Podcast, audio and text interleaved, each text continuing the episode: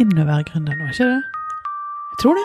Jeg tror det er eh, Eller det føles i hvert fall sånn. Jeg Mm. syns eh, at eh, Jeg tror det, det er ganske mange som liksom går med en sånn gründer i magen, har lyst til å starte for seg selv en vakker dag. Når de blir store, kanskje. Ja, og så popper det opp sånne ord som sånn startup og sånn, som ingen snakket om for ganske få år siden. Så jeg Mm. tror at det er en eller annen sånn innovasjons- og sånn gründervind som kom kommet over Norge. Eh, jeg tror også det, og jeg tror at det er eh, Egentlig så tror jeg litt sånn, hvis du ser eh, Uten at jeg har noe forskning å backe dette her opp med, men en, en form for å drive virksomhet som jeg tror kommer til å være sånn det vi ser mer av i mange år framover. Eh, stadig mer av. Eh, dette her med at vi har faste arbeidsplasser og åtte til fire og den type måten å drive selskapet på. Jeg tror ikke nødvendigvis at det er det vi ser eh, den største fremveksten i. Det er selvfølgelig noen ting hvor vi må ha, ha det på plass på samme måte som vi har gjort det før. Men jeg tror at det er en grunn til at vi ser en større fremvekst av, vekst av dette nå.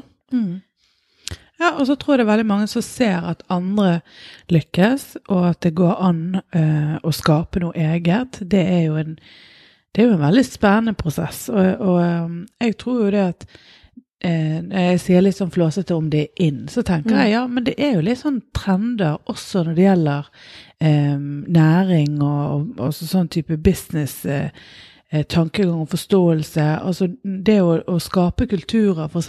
på høyskoler, og Mm. til og med på, på videregående skolenivå, der de har fokus på dette med innovasjon, der man snakker om em, sånn branding. Ungdommer brand, har jo en personlig brand, Mm. Sånn, sånn at de blir kjent med en god del av disse begrepene som vi aldri hadde hørt om når vi gikk på videregående.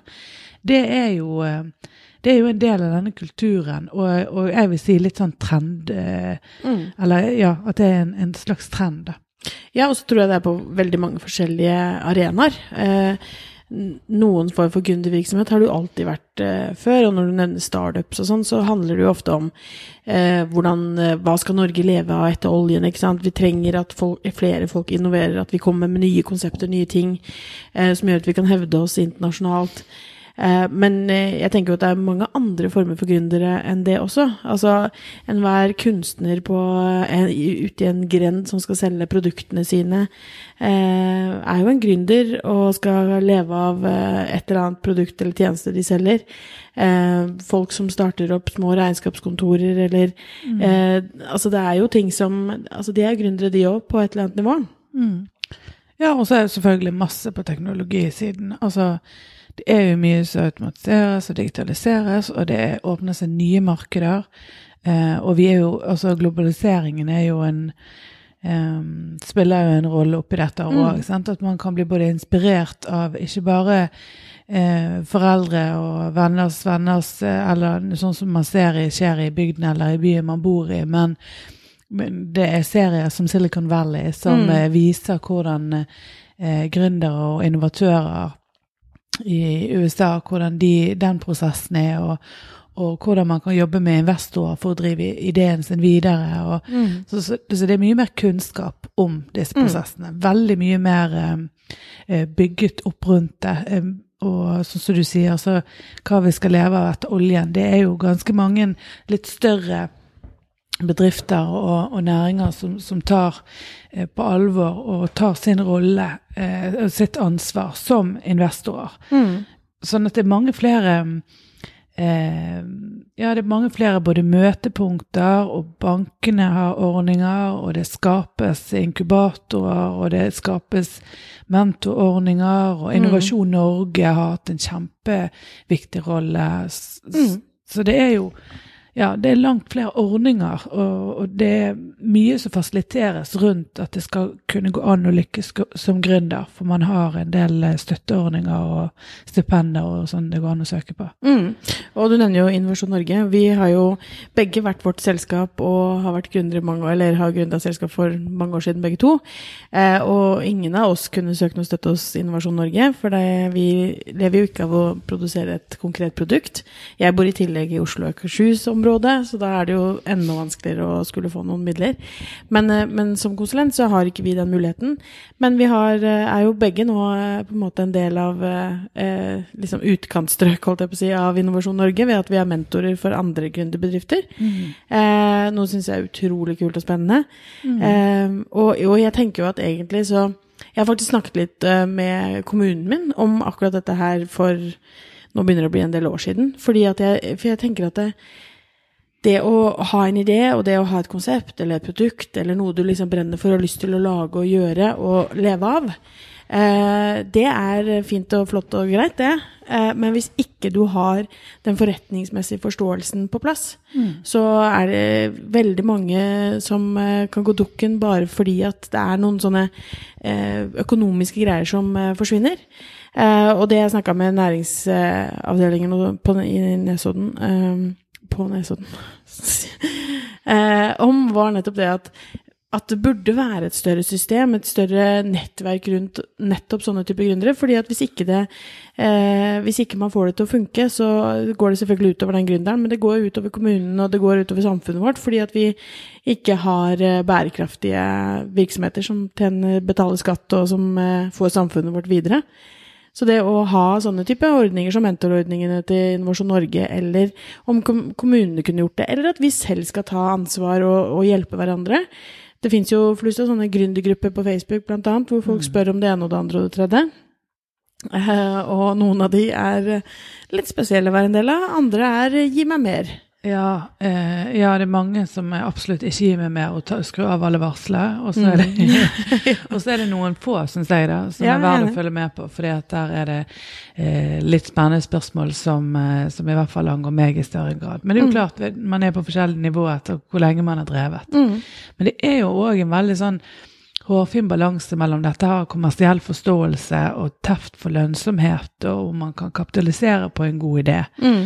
og det å ønske å være gründer for å tjene penger eller for å bli rik. For det er jo en særdeles dårlig motivasjon, spør du mm. meg, i utgangspunktet. Mm. Det kan godt være en, Eh, ned på listen av noe du ønsker å oppnå. At du mm. skal ha en veldig lønnsom bedrift. Men eh, jeg tror, og det har jo jeg sett òg, at det finnes en god del som ikke er opptatt av eh, leveransen. Og de er ikke opptatt av eh, integriteten sin, mm. og ikke opptatt av egentlig at eh, kundene skal eh, være fornøyde, men mm. opptatt av å ha størst mulig marginer og eh, på kortest mulig tid, ja, på kort sikt tjene mm. mye penger, da er det et veldig kortvarig prosjekt. Mm. For det handler jo om helt sånn basic at man skal levere, holde avtaler med kunder, levere eh, i henhold til eh, det man har eh, avtalt. At mm. man skal eh, Helst litt mer. Ja, du er aldri bedre enn den siste leveransen din. Eh, og at du skal være veldig æreskjær i forhold til eh, eh, alt du noensinne leverer og kommuniserer. Og det er kvaliteten som er selvfølgelig er det absolutt viktigste. Mm. Og så må det strukturelle også være på plass. At man mm. må ha selvfølgelig orden på regnskap og, eh, og gjerne ha noen sparingspartner, enten i mm. form av en sånn type mentorordning, eller at man har andre med gründere eller andre som er kommet litt lenger i prosessen, som kan hjelpe en. Mm. Så det er jo mange eh, det er mange fallgruver, og jeg tenker det er mange unge som setter i gang, ser vi mm. nå. Sant? Så er mm. ganske gutsy. Altså, de er, mm. er, jo veldig modige. Noen litt for modige. ja, litt overmodige. Uh, yeah. men, men, jeg tror det er kult. Jeg tror at vi trenger folk som tør å satse litt og, og prøve å feile litt sånn. Og i hvert fall hvis vi har, har noen sånne strukturelle ting som du sier, som, som, gjør at vi kan hjelpe til med det som trengs.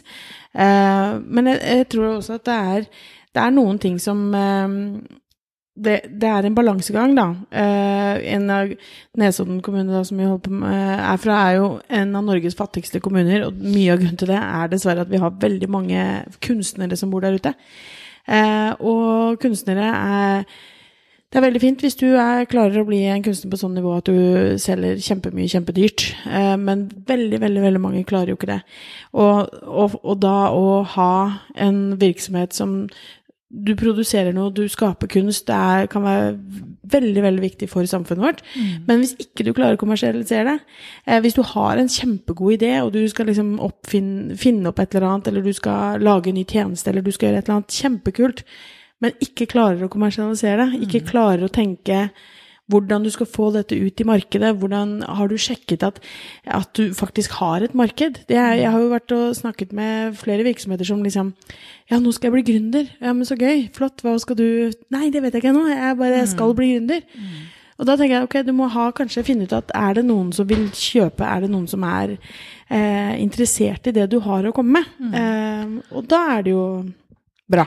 Ja, og så er det grenser for hvor mange, enten det er kunstnere eller andre som ønsker å, å gründe, eh, hvor mange som skal bli subsidiert, og Mm. egentlig skal bare være levedyktige hvis de får subsidier. Og når alle etablerer stipender og alt annet er brukt opp, så, så er det videre til neste idé. Så jeg blir Mm. alltid litt sånn Jeg ser ofte det står artikler, så står det sånn ja, Lene Olsen, eh, 22, seriegründer. Ja. Da tenker jeg sånn Oh no. For det, det er ikke nødvendigvis en eh, fjær i hatten for meg, da, hvis det står seriegründer når du er veldig ung. Så det kan Mm. Godt hende du har kjempemange gode ideer og har solgt videre, og dermed så er du eh, en gründer som en, som en egen Mm. Um, At det å starte selskapene er det Ja. som er du er god på, liksom. Og det kan være dødsfett, det, Mm. hvis, du, hvis du er en superkreativ person som har funnet litt sånn knokkekoden i Mm. forhold til hvor du kan henvende deg, og hva, hva investorer ser etter, eller du er en teknologisk helt superfrempå eh, og dyktig person med en kompetanse som man eh, ja, kan bruke Mm. til veldig mye, så kan det være positivt.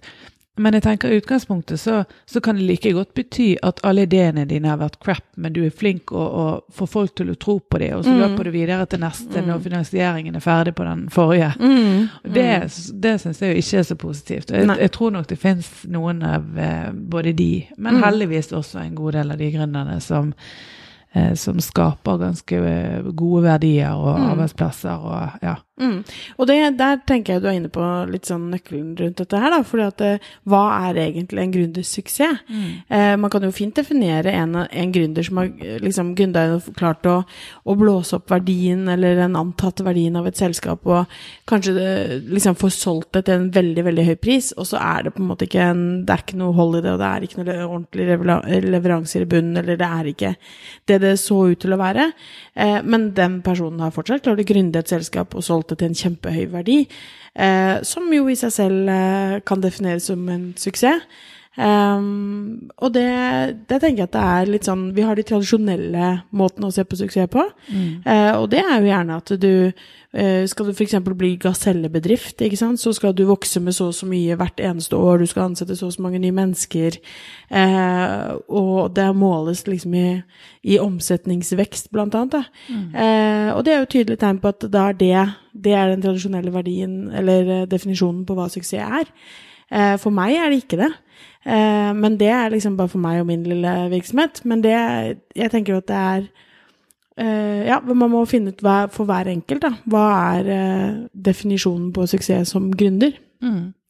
Ja, og der, det finnes jo ikke noen objektive parametere sånn sett. Hvis, hvis du spør gründeren, så er jo suksess egentlig det du ønsket å oppnå, eller det som du har justert som mål og ønsker å Mm. oppnå.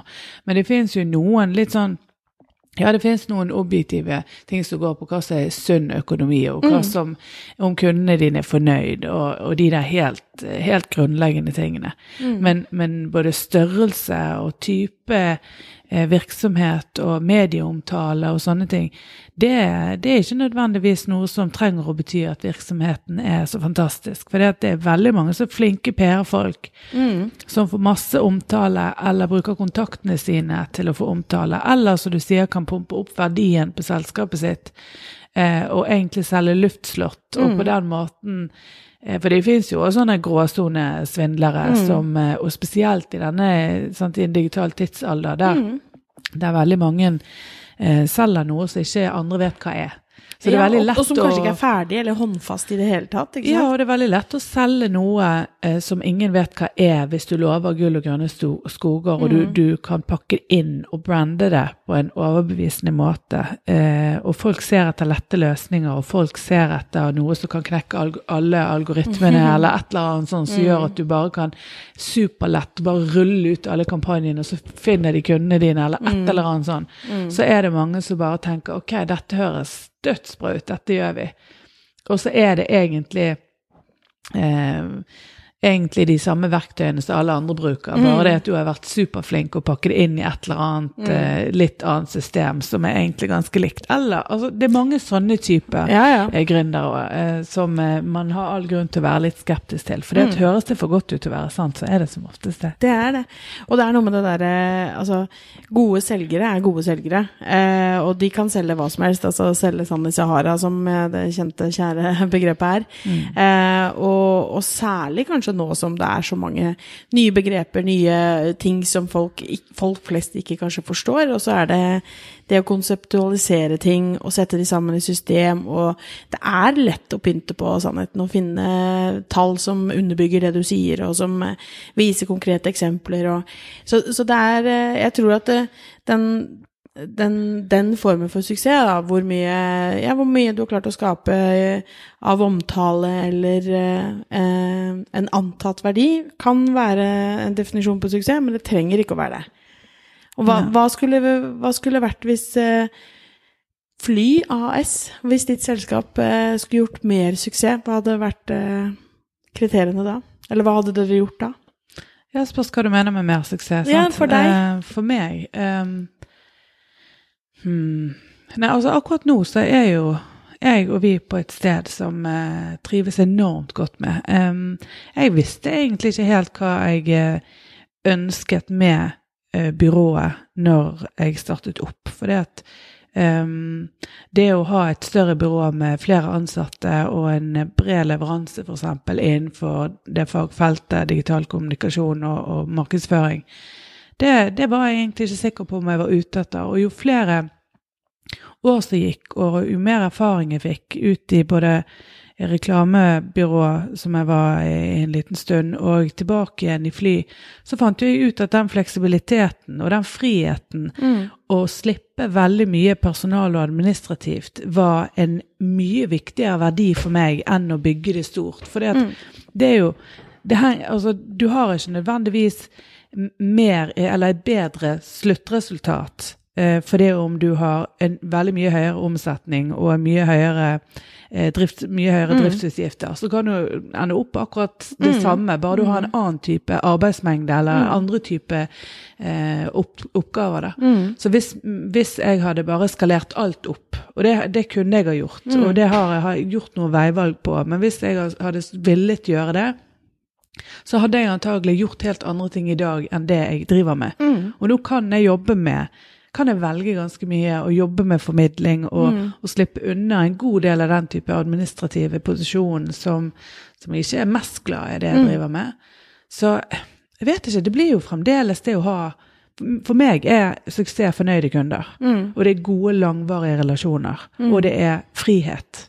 Og, og mulighet til å gjøre det jeg vil. Og så ikke minst ha en liten pott av, av min stilling til å kunne tenke nytt og være i bevegelse og hele tiden følge med på både markedet, sånn at ikke jeg eh, står i ro og dermed blir plutselig forbigått av alle mulige andre. For det at akkurat den bransjen vi er i nå, den krever at man er på hele tiden.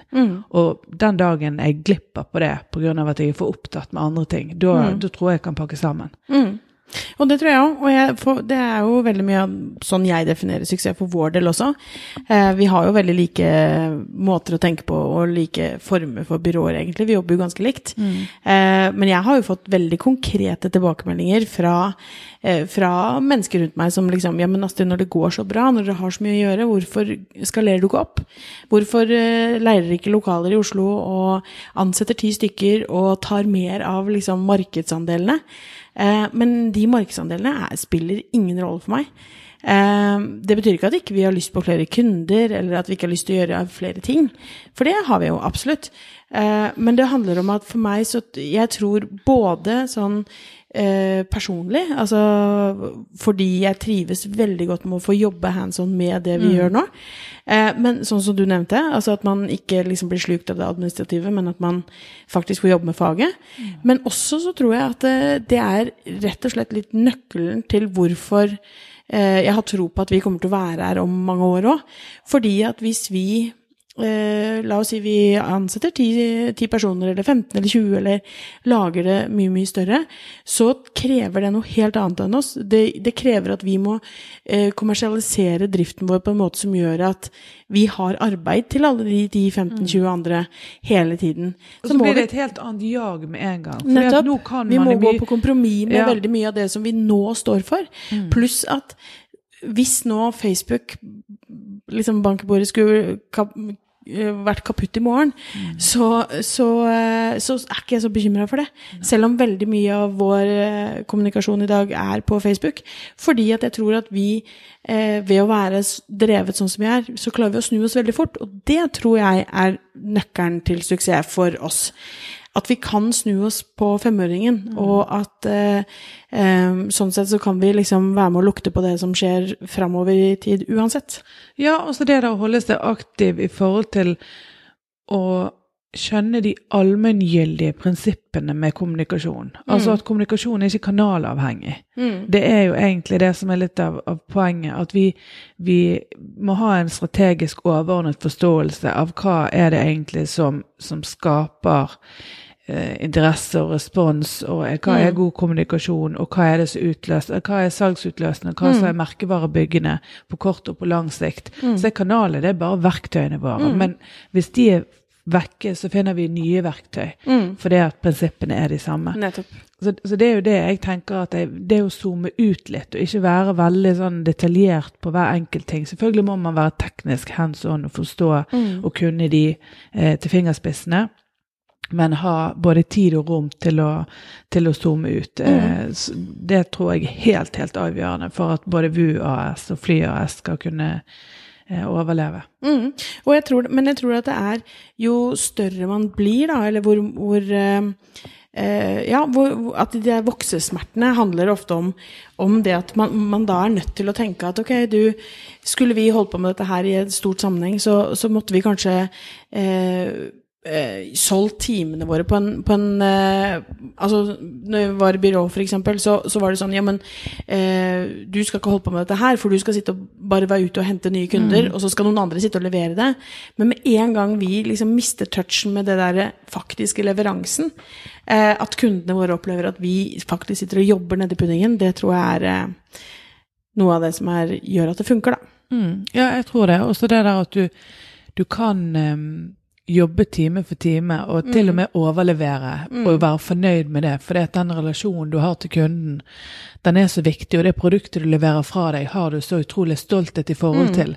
Istedenfor at alt er eh, du skal helst ha kjempestore marginer fordi at du må ha handlingsrom på andre områder som går på helt andre ting. Altså, ja, vi har jo sett byråverden på, på forskjellige på litt samme måte og litt forskjellige måter. Og selvfølgelig er det forskjellige byråer og som jobber på, på ulike måter. Men, men det er definitivt en ganske stor forskjell eh, på et eh, litt mindre fleksibelt byrå og den eh, kanskje nesten litt sånn personlig, relasjonelle stoltheten man får til de produktene. Det å kunne eh, å, å kjenne merkevarer veldig godt fordi man har litt færre, enn å ha mye som er innom og ha kortvarige oppdrag og um, Ja, det Da blir det litt sånn som faktisk eh, den der eh, lille lokale kjøpmannen på hjørnet, eh, som alle kjenner og alle er innom og syns er hyggelig, i motsetning til de store merkevarene som eh, Eller dagligvarekjedene. Mm. Men det Kanskje. syns man eh, kunne gjort, og det har jeg snakket med flere andre litt mindre byråer om.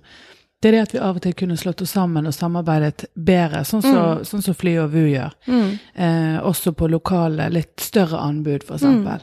Har jo for så vidt og anbudet hvor som helst.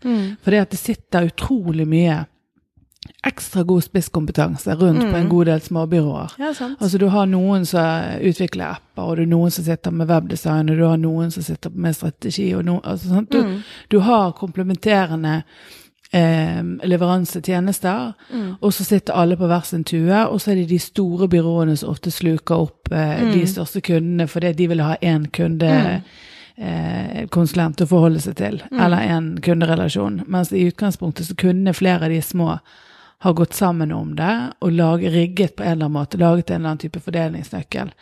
Det hadde vært Men- veldig gøy. Det hadde vært kjempegøy. Og jeg tror kanskje det kan være en veldig fin oppsummering, nei, ikke oppsummering, men avslutning eh, på denne episoden, er jo nettopp det at jeg, jeg skulle ønske at enda flere gründere ikke så på hverandre nødvendigvis som sånne bitre konkurrenter, men at man kunne klare å, å, se på hverandre mer som sånne bransjekollegaer, som eh, jeg er så heldig at vi kan få gjøre.